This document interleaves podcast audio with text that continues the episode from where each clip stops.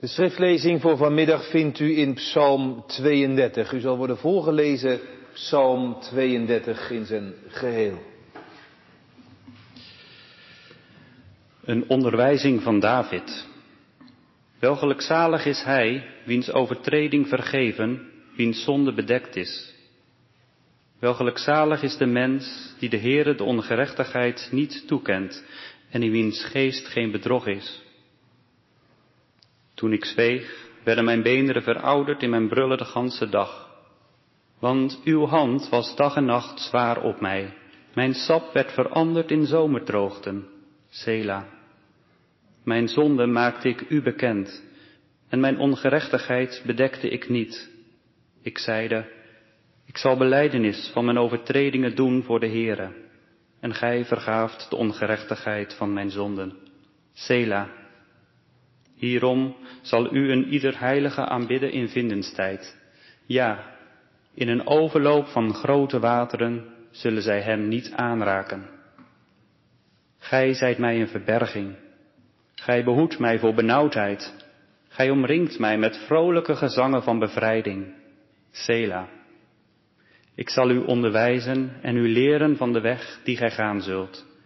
Ik zal raad geven. Mijn oog zal op u zijn. Wees niet gelijk een paard, gelijk een muilezel, het welk geen verstand heeft, welks muil men breidelt men toom en gebit, opdat het tot u niet genaken. De goddeloze heeft vele smarten, maar die op de Heere vertrouwt, dien zal de goede tierenheid omringen. Verblijd u in de Heere en verheugt u, gij rechtvaardigen, en zingt vrolijk, alle gij oprechten van hart. Gemeente, kinderen, ik zet boven de preek, heeft God jouw zonden vergeven? Een ernstige vraag. En naar aanleiding van Psalm 32 heb ik vier gedachten die ik in de preek ga uitwerken. Allereerst gaan we letten op verzwegen zonde. Er staat in vers 3, toen ik zweeg. Ten tweede, vertelde zonde. Er staat in vers 5, mijn zonde maakte ik u bekend. Ten derde, vergeven zonde. Vers 5 zegt, en gij vergaf de ongerechtigheid van mijn zonde. En ten vierde, vermeden zonde. Vers 8. Ik zal u onderwijzen, zegt de Heer, en u leren van de weg die gij gaan zult. Namelijk de weg om niet meer te zondigen. Om dicht bij God te blijven. Weg van die schadelijke weg en op de eeuwige weg. Heeft God jouw zonde vergeven? Een ernstige en levensbelangrijke vraag. We letten ten eerste op verzwegen zonde.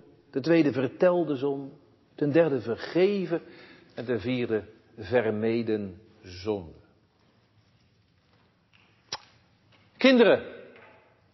Ik zeg altijd, de eerste vijf minuten van de preek, die besteed ik aan de kinderen. Vooral. Jongens. Toen ik over deze psalm nadacht, toen kreeg ik een jeugdherinnering. Als kleine jongen, ik was denk ik acht of negen jaar. En ik woonde in een dorp. En dan gingen we nog wel eens voetballen zo met elkaar. Doen jullie dat ook wel eens? Potje voetbal met elkaar. En aan het eind van de straat hadden we een speelwijntje. En er stond een doel en dan uh, gingen we daar vaak heen. Maar het was natuurlijk nog leuker was om voor op de straat te voetballen. Dan hoefde je niet helemaal naar dat speelwijntje. En dan zeiden ze wel eens, ga nou weg, want dadelijk gebeurt er wat. Je moet niet op straat bij de ruiten van de anderen spelen. Maar ja, dat vonden we toch leuk.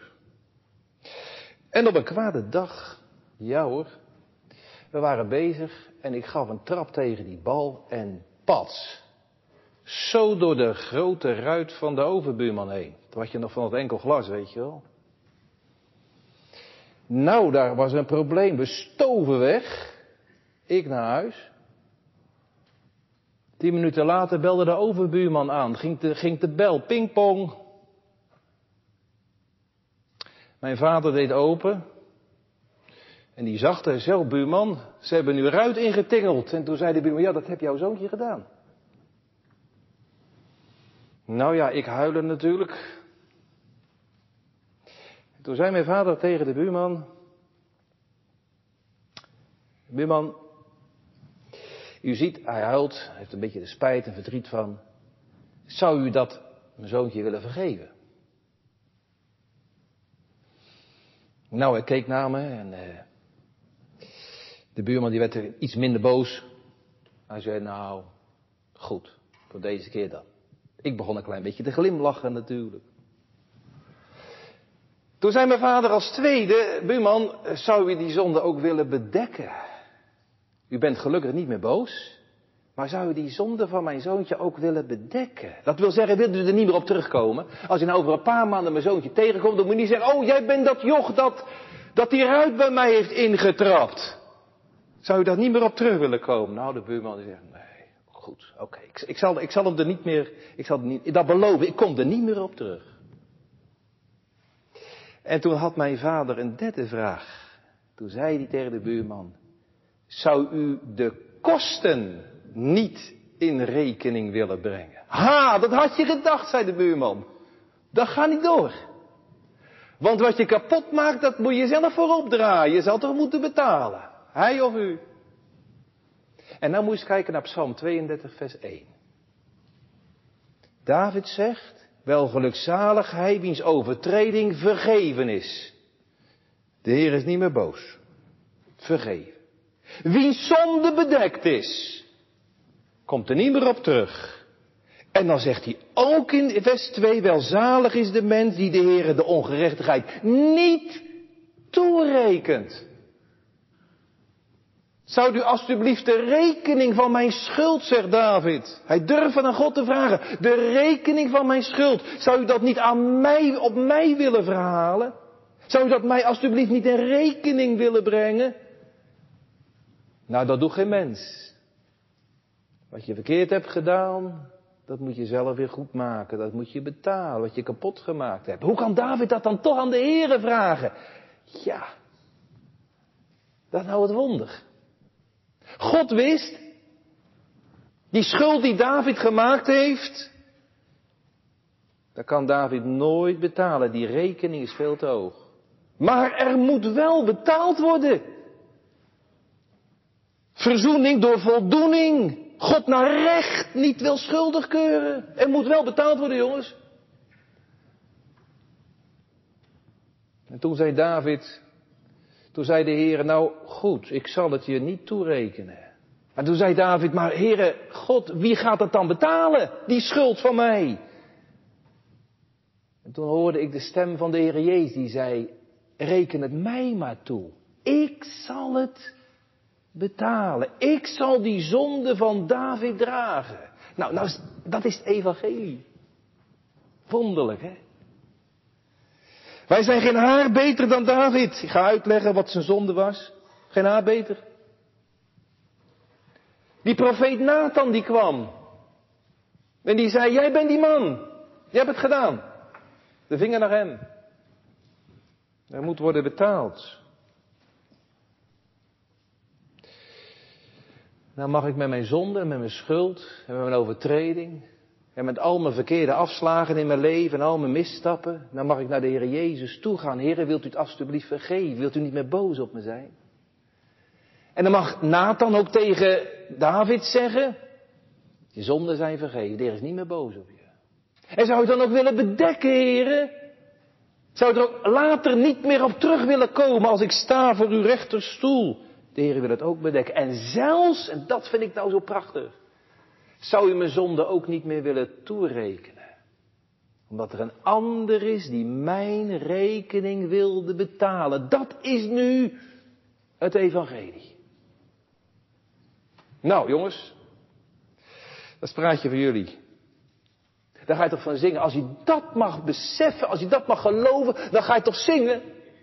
Welke vriend is onze Jezus die in onze plaats wilde staan? Die ruil, die wonderlijke ruil. Geef de rekening maar aan mij, ik zal betalen. Want het is zo hoog, hij kan het niet. Hij zal het in de eeuwigheid niet kunnen. Psalm 32 is een prachtige psalm. Wat is uw lievelingspsalm? Heb je er een? Een lievelingspsalm. Als zou ik dat aan mijn vrouw vragen, dan zou ze gelijk zeggen, Psalm 68, vers 10. Ja. Augustinus had ook een lievelingspsalm. Psalm 32, de grote kerkvader Augustinus. Toen hij op zijn sterfbed lag, toen zei hij, nou wil ik dat de wanden van mijn sterfkamer behangen worden met de zeven boetpsalmen. Psalm 32 is een van de zeven boetpsalmen. Zodat zijn stervende oog zou zijn op die boetepsalmen. Die waren voor hem zo bijzonder. David zegt het is een onderwijzing, vers 1. Houdt u uw Bijbeltje open, dan kunt u het een beetje volgen. Vers 1, een onderwijzing van David. Waar gaat die onderwijzing over in Psalm 2? Ja, over vergeving.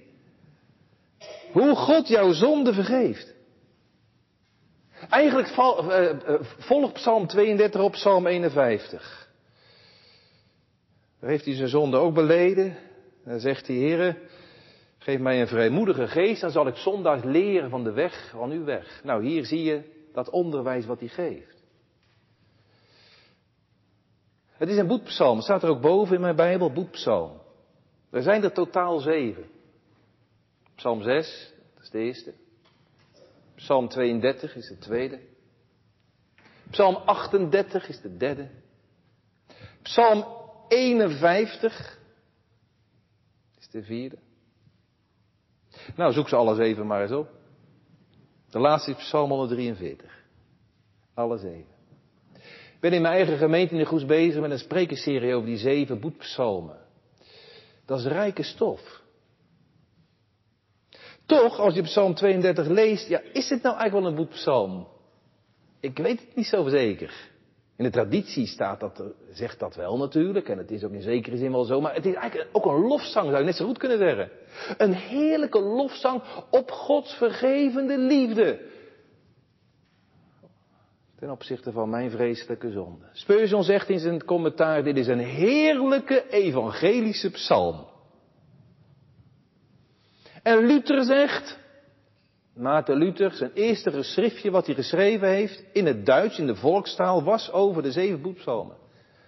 Hij zegt, Psalm 32 is een heerlijke Paulinische psalm. Dat wil zeggen, je hoort het evangelie van Paulus in het Nieuwe Testament er hier al zo rijk in terug. Het gaat hier over zonde en over genade. Onze zonde, Gods genade. Genade van God, zo rijk, zo vrij. Een heerlijke Paulinische psalm. Gaat hier over ellende en verlossing en dankbaarheid. Ziet, die, zien jullie, ziet u dat er drie keer staat Sela? Sela betekent rust, pauze, even over nadenken. Voordat je naar verder leest, even goed over nadenken. Vers 3 en 4, toen ik zweeg, werden mijn beenderen verouderd. Mijn sap veranderde in zomer. Sela, dat is een stuk van de ellende. Zolang je zwijgt, je zonde verzwijgt, dan, dan gaat het niet goed met je. Dan teer je weg. Maar dan krijgen we de verlossing, vers 5. Ik maakte mijn zonde bekend, u vergaf de ongerechtigheid van mijn zonde. Sela, denk daar ook maar eens even heel goed over na. Hoe heerlijk dat is. En dan aan het eind van vers 7, dat hij de dankbaarheid. Hij omringt met vrolijke gezangen van bevrijding. Sela, ja, daar moet je ook eens even heel goed over nadenken. Hoe heerlijk dat is, hoe bevrijdend als je je zondepak kwijt bent. In de psalmen zien we de heilige in het hart. In, en al die 150 psalmen, maar er zijn er, ja, dat, dat, dat zijn de lievelings. De ouderen die hebben wel eens gehoord, ja, ik, ik, ik heb dat niet meer meegemaakt. Toen was ik nog een heel klein, toen was ik ook zo'n klein jongetje. Dat heb ik hem één keer in mijn leven gehoord. Toen was ik ook acht of negen. Ik weet er niks meer van. Dominee Jack van Dijk. Dominee Jack van Dijk. Kent u die nog van vroeger? Die stond in, in Nijkerk een tijdje. En dan had je in Nijkerk had je twee dominee J. van Dijks. De ene was, uh, nou ja, hervormd dus, en de andere die was uh, van de met vrijgemaakt, artikel 31. Belde er een mevrouw op. Bent u dominee van Dijk uit Nijkerk? Ja, mevrouw. Bent u die van artikel 31? Nee, ik ben van Psalm 32, zei hij van uh, welzaligheid wiens zonden zijn vergeven. Toen was even stil aan de andere kant van de lijn. Het gaat niet om kerkgenootschappen, maar of je eigen hart mag terugvinden in deze heerlijke onderwijzing. Nou, laten we kijken. De eerste gedachte, verzwegen zonde. Eigenlijk begint het in vers 1 en 2 met een machtig akkoord. Zoals op een orgel, opeens zet je vol in, zo begin je. En daarna, dan komt er van alles en nog wat achteraan. Maar het begint vol. Wel, ik vind het, de Statenvertaling zo mooi. Wel gelukzalig. Dat zijn drie woorden. Wel gelukzalig. En dan staat er in vers 2 nog een keer. Wel gelukzalig. Je bent vol gelukkig. In het Hebreeuws staat het woordje ashrei, dat betekent meervoud. Gelukkig, gelukkig. Vol van geluk ben je. Je bent echt rijk gezegend door mensen. Als je zonden zijn vergeven. De onderwijzing van David begint met een zaligspreking.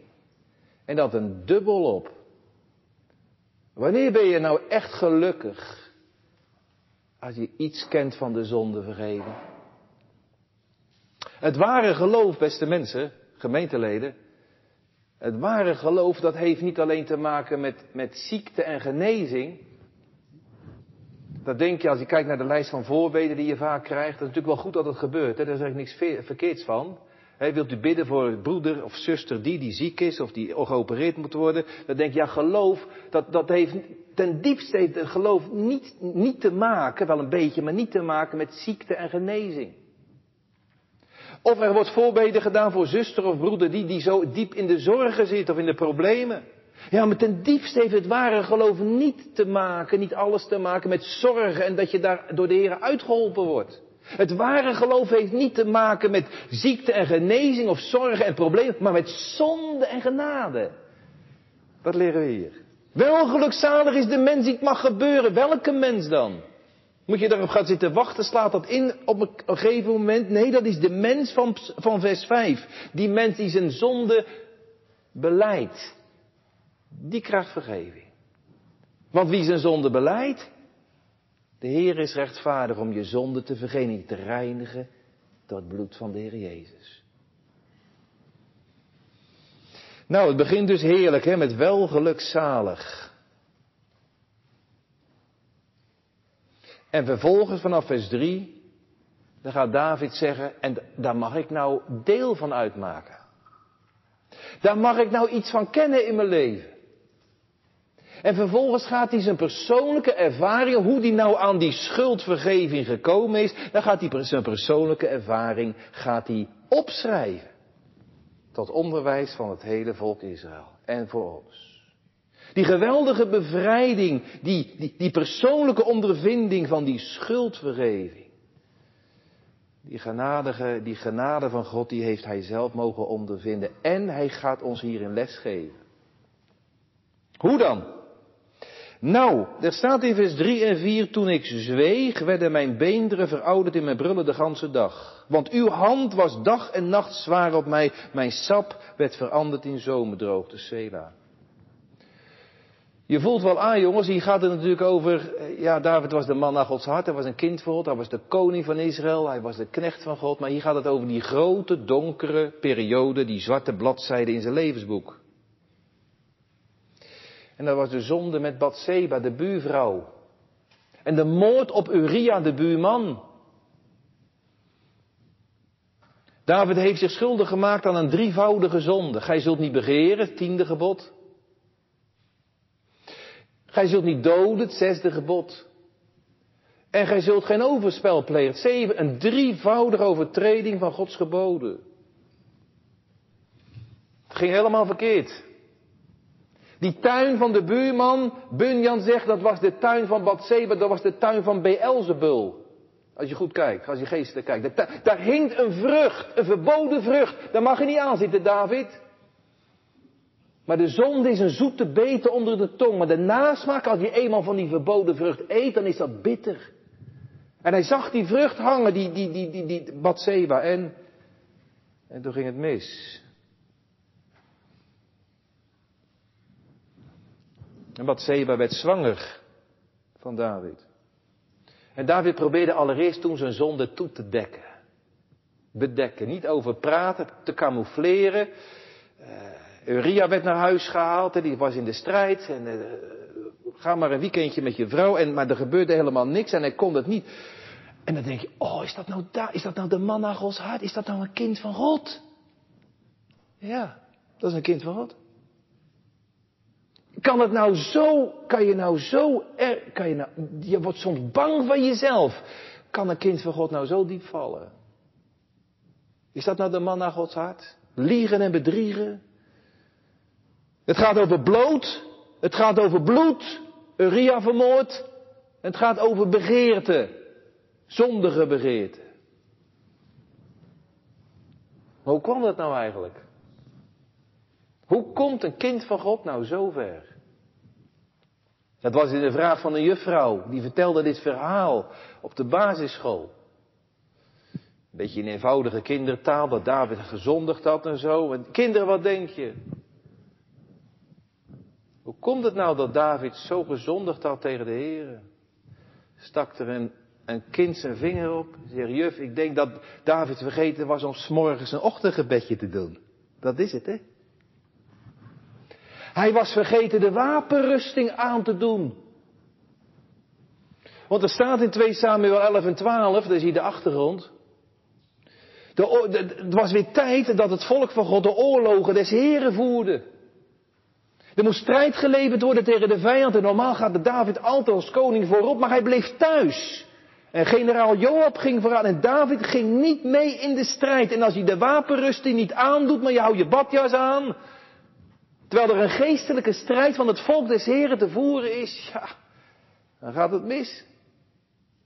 De Heere God had gezegd, de koningswet, elke koning van mijn volk die moet de Torah van God op zijn nachtkastje hebben. Het woord van God op zijn nacht. En daar moest de koning elke dag uit lezen. Had God gezegd over, over de koning van mijn volk. Nou, David had zijn Torah op zijn nachtkastje liggen, zijn dagboekje op zijn nachtkastje, maar, maar het lag erin, het lag er niet op, het lag ook niet open. En als je dan vergeet je gebedje te doen en je vergeet te bidden en je versloft en je verwaarloost dat, ja, dan ben je een makkelijke prooi. Dan kan je tien keer bekeerd zijn en tien keer een kind van God, maar dan gaat het mis. Want die Satan is veel slimmer en veel, veel, veel verleidelijker dan je denkt. Nou, dan is dat gebeurd toen ik zweeg. Mond houden, niet over praten. En dat houdt hij een jaar vol, zeg. Een jaar. Toen ik zweeg. En hij ging gewoon naar de tabernakel, of naar de, de tempel had je toen nog niet, maar de tabernakel, het huis van God. En s'avonds, als er dan uh, warm gegeten werd, zo stel ik me dat dan voor, ik probeer het gelijk maar een beetje toe te passen. Als er dan warm gegeten werd, dan ging David als vader, dan ging, ging hij gewoon voor, dan deed hij het gebed en dan las hij uit de Bijbel. En zondags naar de kerk. Hij had een dubbel leven. Hij had een geheim in zijn leven. Een zondig geheim. En hij wilde niet. En dan kreeg hij huisbezoek. En dan vroeg hij aan, aan de ouderlingen. Die vroegen dan aan David. En David, heb je nog wat te zeggen? Zou je nog wat willen, willen, willen, ter sprake willen brengen? Nee hoor, nee hoor. Is er wat, David? Nee, er is helemaal niks. En ondertussen loop je met een geheim in je hart. Zouden er hier kerkgangers zijn in Arnhemuiden die zo zijn als David? Die ten diepste lopen met een geheim in hun hart. Een zondig geheim wat je, als ik daarover ga praten, kost dat mijn koningschap of het kost mijn huwelijk. Maar het is niet beleden. Het is niet beleden. En weet je hoe David zich voelt daar diep van binnen onder? Rot. Ik zeg het maar op zijn Rotterdams. Ellendig. Naar. Het vreet aan zijn ziel en daarom vreet het ook aan zijn lichaam. Als je zonde, als je zonde verzwijgt, hè, dan moet je heel goed in de gaten houden. Als je je zonde verzwijgt, dan kan daar geen zegen op rusten. Wie zijn zonde bedekt, die zal niet voorspoedig zijn. Daar kan geen zegen op rusten. Daar word je soms letterlijk ziek van. Als je ziel zwijgt, ga je lichaam spreken. Dan krijg je klachten. Psychosomatische klachten noemen we dat. Er staat in vers 3, toen ik zweeg werden mijn beenderen verouderd. Jo, je kijkt niet meer blij. In mijn brullen de ganse dag. Want dan ga je geweten spreken. En soms dan, dan, probeer je dat geweten de mond te snoeren, maar soms dan komt dat op momenten naar boven en dan, dan krijg je soms een slapeloze nacht of je ziet dat levensgroot weer voor je, die beelden. Zijn beenderen teren weg. Mijn sap staat er, vers 4. Gods hand was dag en nacht zwaar op mij. Luther zegt, ik zei, Luther heeft hier in het Duits, in de eerste geschrift in het Duits over die psalmen. Luther zegt over dit, dit, dit vers, het leek wel alsof er mijn geweten een knuppel was. En die knuppel die sloeg maar op mijn hoofd en het bonkte van binnen. En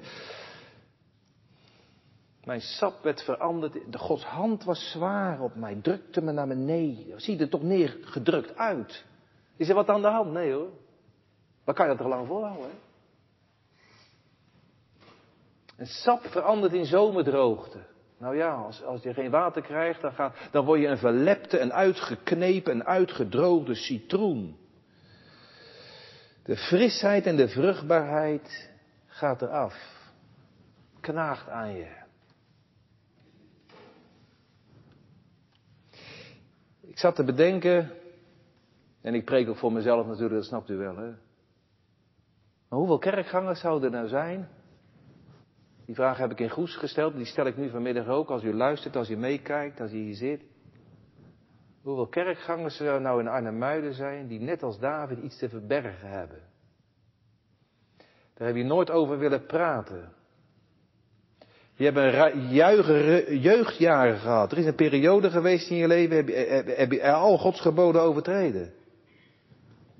Je hebt al God een gebod niet gedaan. Je ging maar naar de kerk, maar je zat er te hangen, je zat te er ging, in niks kwam er binnen. En je leefde zo je eigen leven af en je zonderde je leven vol. Totdat je een meisje kreeg, dat was een beetje net meisje, en toen werd je een beetje ingetoomd en toen, nou ja. Maar er zit wat in die, in die wilde jaren van jou, die puberjaren, die, die jeugdjaren, die, die wilde haren, ja, er zit wat en je bent ver over de grens gegaan. Je hebt wisselende vriendjes gehad en vriendinnetjes, hè? Daar ben je ver mee over de grens gegaan die God gesteld heeft, seksueel. Wisselende contacten. Nooit over gepraat.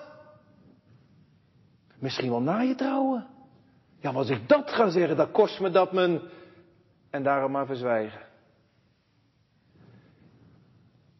En dan kom je nooit tot de ruimte dan kom je nooit tot de volle vrijheid van de kinderen van God. Dan zal je ook nooit die verlossing, die vergeving, die vreugde kennen van de vergeving van de zonde, want er zit er wat. Ik zou wel willen, lieve mensen, als er hier een opwekking komt, ik zou wel willen dat je, dat je wat er nou zit, wat, je, wat ik nou vanmiddag probeer aan te stippen, dat je dat, is, dat je dat eens zou opbiechten bij, doe dat eens bij je wijkouderling. Of doe dat eens bij je vertrouwenspersoon, of je predikant, of wie dan ook. Of een... Maar laat het niet, het zit er misschien al jaren. Maar het moet eruit. Het is duister. Het, het, zijn werken van de duisternis. En het moet eruit, want anders komt het niet tot die vergeving. Kan je niet sterven. Heb je straks een doorn in je kussen. In je doodsbed.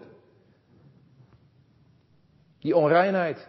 Ik zei al, bij David ging het inderdaad op dat gebied, seksueel, bloot, bloed.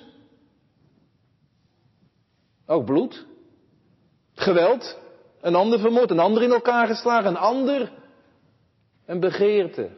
Waar je naar gekeken hebt. De computer. Oh, dat was zo fout, dat was zo fout. En ik heb er nog wel eens last van. En het maakt je depri. Sap verandert in zomerdroogte. En je blijft toch naar de kerk gaan. En dan zeggen ze hier van binnen wel eens, huigelaar, huigelaar. En dan komt het nooit aan het avondmaal. Nee, dat kan ook niet, want je voelt dat ga niet. Ja, ga niet zomaar, zeg je dan, hè, met een vroom smoel. Ja, ga niet zomaar. Maar je weet waar de oorzaak zit. Je weet het. Verzwegen zonde. Die krijgen soms letterlijk een maagsfeer van. Hij wilde niet buigen. Wat is dat toch moeilijk, hè? Slechtheid, dat is niet het probleem, maar trotsheid, dat je niet wil buigen, David. Dat je niet wil buigen. Het is zo moeilijk voor een, een, een, een trotse geest om, om te erkennen. Nou, dat is de eerste gedachte. Verzwegen zonde. We gaan naar de tweede gedachte. Vertel de zonde. Er staat in vers 5, mijn zonde maakte ik u bekend en mijn ongerechtigheid bedekte ik niet. Ik zei, ik zal beleidenis van mijn overtredingen doen voor de Heer. Nou, we zaten op een dieptepunt, hè? Hoe, wat was hij er beroerd aan toe? En nu komt er een keerpunt, totdat. Totdat in vers 5 hij de Heere zijn zonde gaat bekendmaken. Hij heeft lang gezwegen, maar nu gaat hij wat zeggen. Zijn mond gaat open. Het veranderde in zijn leven. En waar lag dat nou aan? Lag dat aan David dat veranderde in zijn leven? Nee, dat lag niet aan David, dat lag aan God. Als dan David gelegen had, was hij met een geheim het graf ingegaan. Maar God greep in. En dan komt er Nathan. Door God gezonden. En die gaat dan die, die, die, die, die, die, dat verhaaltje vertellen. En dan zendt God uit liefde nog een mens op je pad. Dat kan een, een, een profeet zijn, of een predikant, of een of gewone gemeentelid, of iemand. Dan zendt God in zijn genade nog iemand op je pad. En die wijst met zijn vinger, jij bent die man, David, jij. En er wordt nog aangewezen ook. Daar houden we niet van, hè? Als je aangewezen wordt, jij bent die man, dan worden we boos. Ik hou niet van die uitgestoken vinger. En normaal klopt dat ook wel, want dan wijzen er dan drie naar jezelf. David in Nathan, in naam van God tegen David. Maar jij bent het. Ik hou meer van die uitgestoken vinger van Johannes de Doper die zegt, zie het lam Gods. Ja, dat is evangelie. Maar die uitgestoken vinger van Johannes de Doper en die uitgestoken vinger van Nathan, die horen bij elkaar. Jij bent die man. Dan word je boos. Heel af en toe word ik gebeld. Of krijg ik een mailtje. Zeg, dominee, u zei dat en dat in de preek, hè? Uh, heb u dat voor mij bedoeld? Dat zei u zeker tegen mij. En dan zeg ik altijd standaard, ja, dat had ik voor u bedoeld. En dan even een tijdje zeg ik niks. En dan zeg ik vervolgens, ja, maar ook voor alle andere mensen, maar ook zeker voor u. Had je het over mij? Ja, natuurlijk heb ik het over u. Je wordt aangesproken. God heeft je wat te zeggen. Maar de Heer die, die, die, die komt erin mee en dan gebeurt er iets. Hè, op, die, op het moment dat die vinger naar zijn hart gaat en dan kijkt hij niet meer achterom. Zou die dominee, nou zou Nathan nou iemand anders bedoelen? Nee, jij. En dan breekt er wat. Dan valt zijn hart aan diggelen voor Gods aangezicht. Dan breekt er wat van binnen. En dan komt het open. Ik heb gezondigd tegen de Heer, zegt hij tegen Nathan. Ik beken dan, Heer, op u oprecht, aan u oprecht mijn zonde. Isaac da Costa, de Messias beleidende Jood, prachtig om te lezen. Isaac da Costa die zegt van, het is net als met een zweer. Heb je wel eens een steenpuist gehad? En die puist die wordt groter en dat, gaat, dat wordt rood, dat gaat gloeien, dat gaat trekken, dat doet pijn, dat moet rijpen en op een gegeven moment, dan, dan doe je zo, dan knijp je een pad en dan knijpt het zo open en al die etter, al die pus, ja het is vies om te, en het komt er allemaal uit. Nou, op het moment dat David zijn mond gaat open doen, bekend hij hier oprecht, pats, dan komt het al die vuiligheid, die beleidt hij voor Gods aangezicht. Al wat kwaad met de pijn, het komt er allemaal uit, die etter. Had David eigenlijk veel eerder moeten doen, hè? Daar moet je geen jaar mee lopen. Op de dag dat je zondigt, op diezelfde dag moet je het ook aan de Heer beleiden. Dan ben je het maar des te eerder kwijt ook. Weet je wat ik ook zo bijzonder vind? Op het moment dat David zegt in vers 5, ik zal beleidenis van mijn overtredingen doen voor de Heer. Dan komt koning David met zijn koninklijke troon, hè? met zijn koninklijke kroon. Dan komt deze man naar Gods hart, dan komt hij op hetzelfde niveau te staan als de, als de verloren zoon in de gelijkenis van de verloren zoon. Want dat zegt de verloren zoon. Ik zal opstaan, ik zal naar mijn vader gaan, ik zal zeggen, vader, ik heb gezondigd tegen de hemel en voor u. Nou, David zegt hetzelfde, ik zal mijn overtredingen voor de Heeren beleiden. Dan komt hij op hetzelfde niveau te staan, geen duimbreed hoger.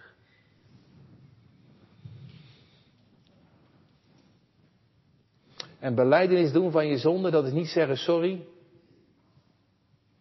Nee, dat is benoemen. Benoemen. Dan moet u eens even meelezen. David gebruikt hier drie verschillende woorden voor opbiechten. Hij heeft het over, mijn zonde maakte ik u bekend, ik maak het u bekend, bekend maken. Hij heeft het over mijn ongerechtigheid niet bedekken, niet onder het tapijt schuiven, verdoezelen. En hij heeft het over, ik zal beleidenis doen. Hij houdt niets achter. Ik verborg geen kwaad. Wat, het, het komt er in ene keer allemaal uit. Helemaal, totaal, allemaal. Hij houdt niks achter. Dat is beleiden. Kleine kinderen, als jullie naar bed gaan, doe je avondgebedje. En dan, de kleinste kinderen, die leer je natuurlijk bidden, ik ga slapen, ik ben moeder. Dat heb ik mijn kinderen ook geleerd toen ze klein waren. Heel klein waren later, dan moet je vrij, doe het maar op je eigen manier, met je eigen woorden. Maar als je nog heel klein bent, ik ga slapen, ik ben moe.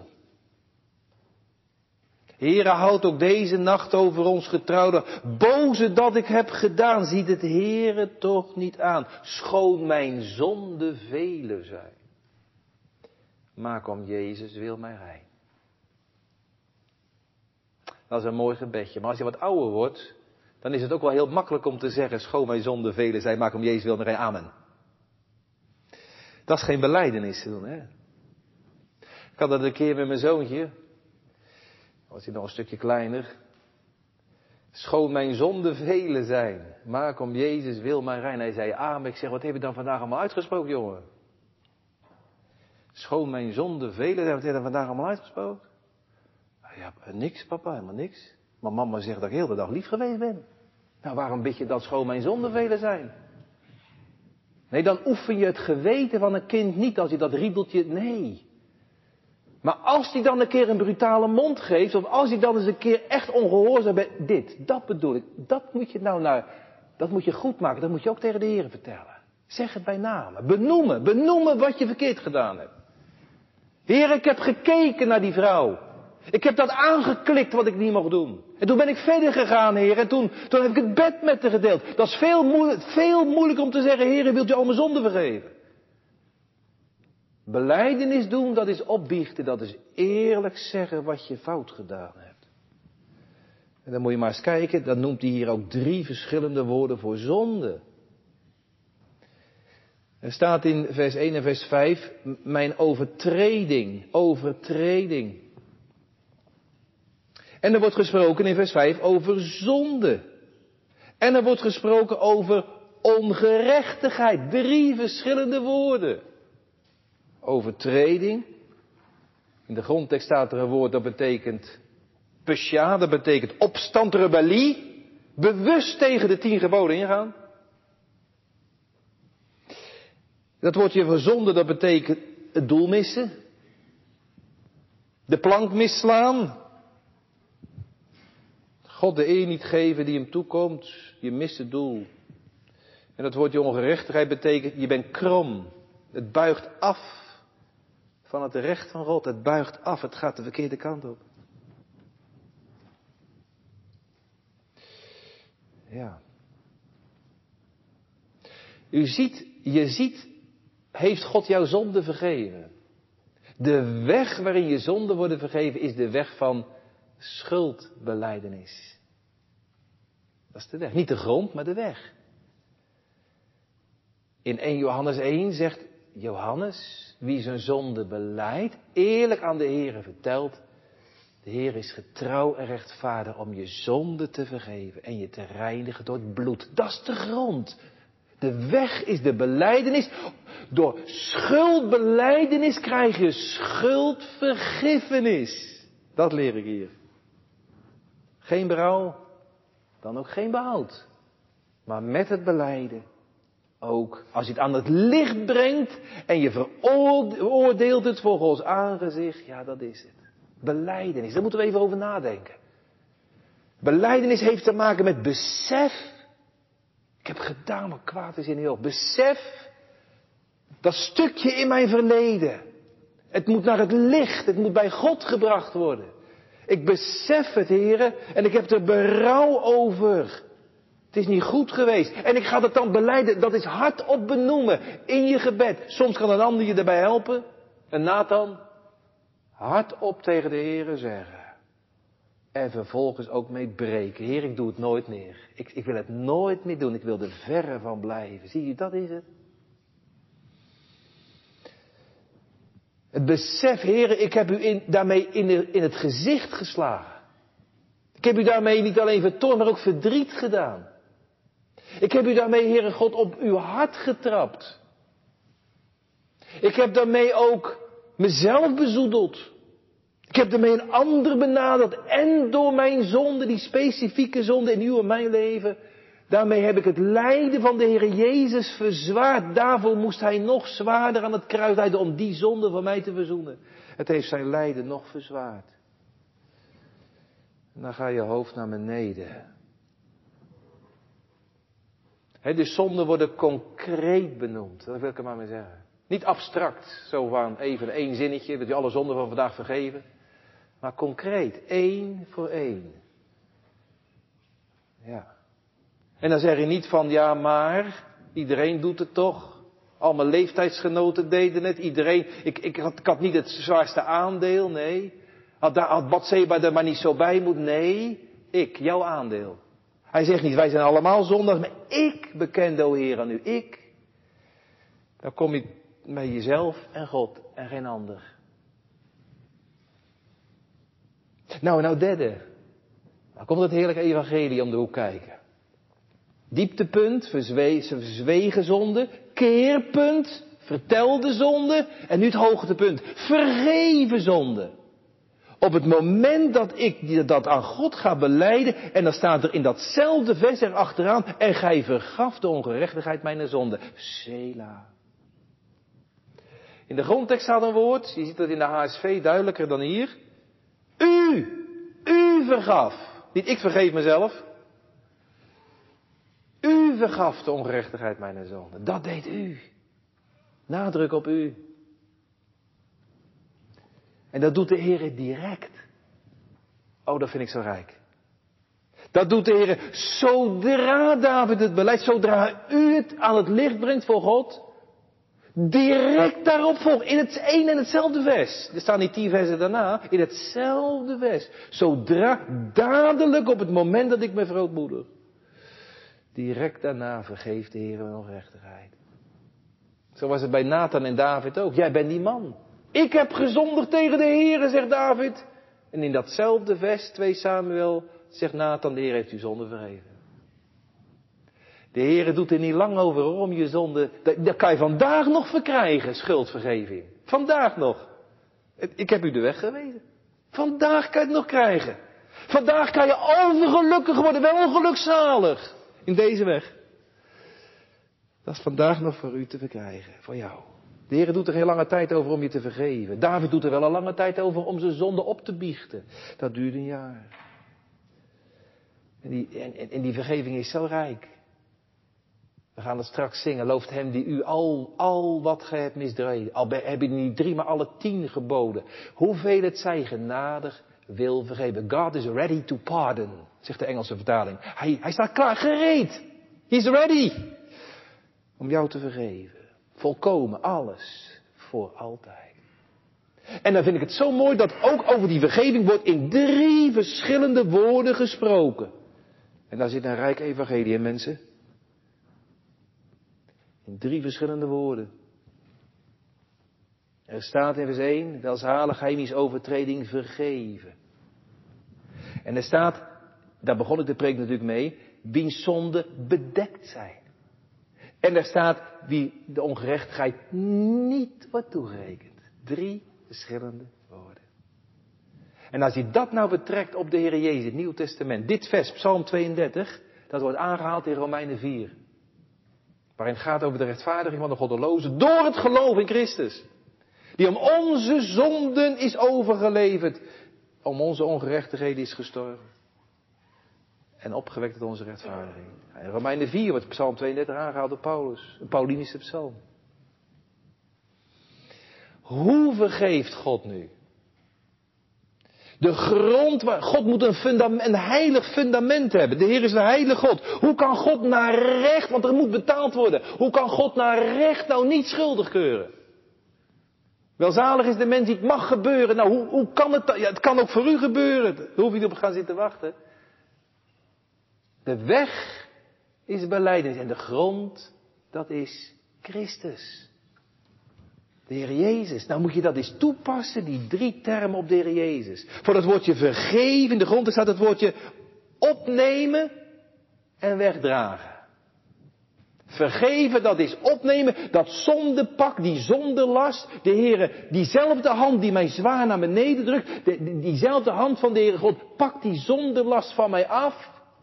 En hij draagt het weg en hij legt het op de schouders van de Heere Jezus. En de Heer Jezus gaat met mijn zondepak, wat een ruil, een zalige ruil. De Heer gaat met mijn zondepak, hij gaat naar het kruis en hij sterft op het kruis, beladen, tot zonde gemaakt. Opdat wij zouden worden gerechtigheid Gods in hem. Zulke last van zonde en plagen niet te dragen, drukt zijn schouders naar beneden. Ik zie hem daar lopen met dat kruis op zijn rug en die doornenkroon. Zo is het recht vervuld. Zo doet God dat. Hij neemt het van me af en hij legt het op de schouders van de Heer Jezus. Daar sterft de heiland. Zover het west verwijderd, verwest verwijderd is van het oosten, zo ver, heeft hij om onze ziel te troosten onze schuld en zonde weggedaan. Zie het lam Gods, hé, hey, daar komt Johannes om de hoek kijken. Nou die vinger naar de Heer Jezus. Zie het lam God dat die zonde der wereld wegdraagt. Welke zonde? Mijn zonde. Zonde van David. Het wordt van mij afgehaald en ik kan opgelucht weer ademhalen.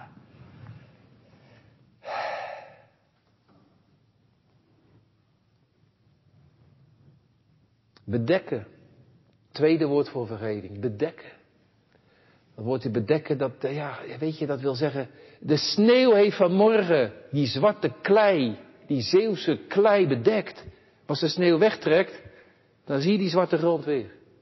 Maar als de Heere bedekt, dan bedekt hij met het bloed van Christus en dan zie je het nooit meer. Dan is het weg. Komt hij er ook niet meer op terug. Dan gedenkt de Heer dat ook niet meer. Dan is het weg. Dat uw bloed mijn hoop dan wekken en mijn schuld voor God bedekken. De Heere bedekt, nou dat is de grond, dat is het fundament, dat bedekt met het bloed van, van, van zijn zoon. Zoenbloed. Zoals het zondoffer gebracht werd in het Oude Testament. Ze moesten overtreden, ze moesten zonde beleiden. En dan werd er een, een, een lam geslacht, een bokje geslacht. En dan vloeide daar dat bloed, dat rode bloed op die blanke vacht. En dan werd dat offer werd op het altaar verteerd en dan werd het in de vlammen, ging het op. Op het hout. Maar dat bloed, dat reinigt. Van alle, alle mijn zonden heeft zijn zoenbloed weggedaan. En het derde is dat de ongerechtigheid de Heer niet toerekent. Niet toerekent, daar heb je het weer, niet toerekent. Hoef ik dan niet te betalen? Er zijn wel kosten, er zijn wel heel veel dingen kapot. Er moet wel voldaan worden, voldoening. Er moet wel vergoed worden. Hoef ik dan niet te betalen? De schuld staat wel op mijn rekening. Ik zal betalen, zegt de heiland. Nou gaat God met hem afrekenen om mij de gerechtigheid toe te rekenen. Dat God naar recht hem niet wil schuldig. Er is betaald. En weet je wat het gevolg is? Dat ik me zo heerlijk vrij voel. Wel gelukzalig, ik voel me zo vrij. De schaamte voorbij. Ik kom in de ruimte. Daar gij mij in de ruimte stelt met blij gezang dat mijn verlossing meldt. Ik heb dat pak, ik ben van mijn pak verlost. Mijn zondepak ligt niet meer op mijn rug. Maar hij heeft van me overgenomen. Hij heeft van me weggenomen. Heerlijk. Ja. Genade, Gods oneindig groot. Amazing grace. Genade, hij droeg mijn zondelast, mijn tranen aan het kruis. Vrij van de vrees en twijfel, vrij van de zondelast. En weet je wat dan de vrucht is? De grond is Jezus. De weg is beleiden. En de vrucht is vreugde.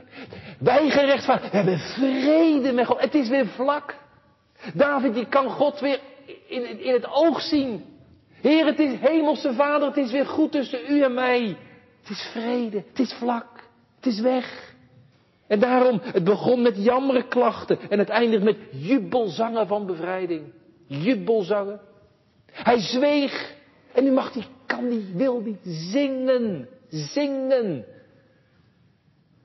Jubelzangen van bevrijding. Van de benauwdheid in de ruimte. In de vreugde door die vergevende liefde. Een zwijger wordt een zanger. Ja. Nou, het laatste. Ja, ik moet eigenlijk eindigen, maar. Gewoon even verder, hè. Twee minuten. Vers 8 tot en met 11. 8 tot en met 11. Ik zal u onderwijzen in uw leren van de weg die gij gaan zult. Ik zal raad geven, mijn oog zal op u zijn. Is, misschien is dat wel een trouwtekst van iemand. Het is een mooie tekst, Psalm 32, vers 8. Mooie trouwtekst. Nu naar de toekomst. Je beseft, je berouw, je bent boetvaardig, je beleidt het, maar in de toekomst wil je dat toch nooit meer doen. Heere, bewaar me dat ik weer val in die weg. Dat ik weer een verkeerde afslag neem. En dan zegt de Heer, dan belooft de Heer dat en vier heerlijke beloften. Ik zal u onderwijzen, ik zal u leren van de weg, ik zal u raad geven, mijn oog zal op u zijn. Hier spreekt God zelf. Hoe kan ik nou voorkomen dat ik weer terugval in die oude zonde? Nou, de Heer belooft hier. Je zat op een schadelijke weg, David, u zat op een schadelijke weg. Maar nou belooft de Heer, nou wil ik je voortaan bijstaan en helpen om je te brengen en te houden, om je terug te brengen, alsnog weer op die eeuwige weg terug. En om je ook op die weg te houden. Ik zal raad geven. Luister dan naar mijn raad. Luister naar mijn raad. Nou, nou zit je weer op de goede weg, David. Bewaar me, heren, dat ik weer opnieuw van de weg afraakt. Richting, dat ik zal verongelukken, richting de afgrond. Hij krijgt een belofte mee, vier beloften. Ik zal raad geven. Moet je wel naar luisteren, moet je wel naar luisteren. Ja. Mijn oog zal op u. Ik hou een oogje in het zeil. Ja. Mijn oog slaat jou in liefde gade. Als je op mijn weg blijft gaan. Leidt u mij, heren, op de weg. Christus is natuurlijk de weg. Ja. Ja. Leid vriendelijk licht mij als een trouwe wacht. Leid gij mij voort, heren. Leid gij mij voort. Ik was ver van huis en donker was de nacht. Ik liep mijn weg bij eigen licht. Maar nu leidt gij mij voort. Voortaan, voor de toekomst. Ik zal u leren de weg die u gaan moet. Wat is het nou voor een weg? Dat is een weg met vallen en opstaan. Ja, dat hebben we gezien. Een weg met vallen en opstaan. Het is een weg die leidt langs het kruis. Waar ik met mijn zwarte zondige hart in mijn hand. En ik breng het aan de voet van het kruis en ik leg het eronder. En dan bloed uit zijn zij, dat druppelt langs die kruispaal. En dat spreekt en dat reinigt, dat spreekt van zonde mij vrij. Ben je langs het kruis geweest in je leven? Heb daar mogen knielen? Heb je ziende op die heiland, die zichzelf gaf aan het kruis uit, heb eerlijk voor God mijn zonde beleden? Ziende op hem. En de Heer nam het allemaal weg, net zoals Bunjan met de Christenreis. Er was het kruis geweest waar Jezus stierf om David en mijn zonde te verzoenen. Mijn wanbedrijf. En die weg die leidt naar het vaderhuis. En weet je hoe het dan eindigt? Dan eindigt het met verblijft u in de Heer en verheugt u en zingt vrolijk. Ook weer drie woorden. Verblijft u, verheugt u en zing vrolijk. Heerlijk. Dat is een kind van God op zijn best. Vrolijk mogen zingen. Die blijdschap alsof je een grote schat gevonden hebt. Alsof je een grote buit gevonden hebt. Wel gelukzalig. Ja, mijn zonde ben ik kwijt. Heerlijk einde. Die eerste tonen van dat loflied. Verblijd en verheugt u. En straks mag ik daar in volheid van zingen. Waar ben je dan zo blij over, David? Nou ja, ik ben blij om die hand van God. Oh, hij drukte op me. Maar hij nam dat pak van me af en hij legde het op de schouders van van de Heer Jezus. Ik ben zo blij vanwege die hand van de Heer. En ik ben zo blij, zegt David, over dat oog van de Heer. Mijn oog zal op u zijn. Gelukkig, hij houdt een oogje in het zeil. En ik ben boven alles zo blij, zo vrolijk kan ik zingen over de zoon. Uw hand, uw oog over uw zoon. Omdat hij het overnam en omdat Hij het wegnam. Halleluja. Geprezen zij het lam dat de schuld der wereld op zich nam. Amen.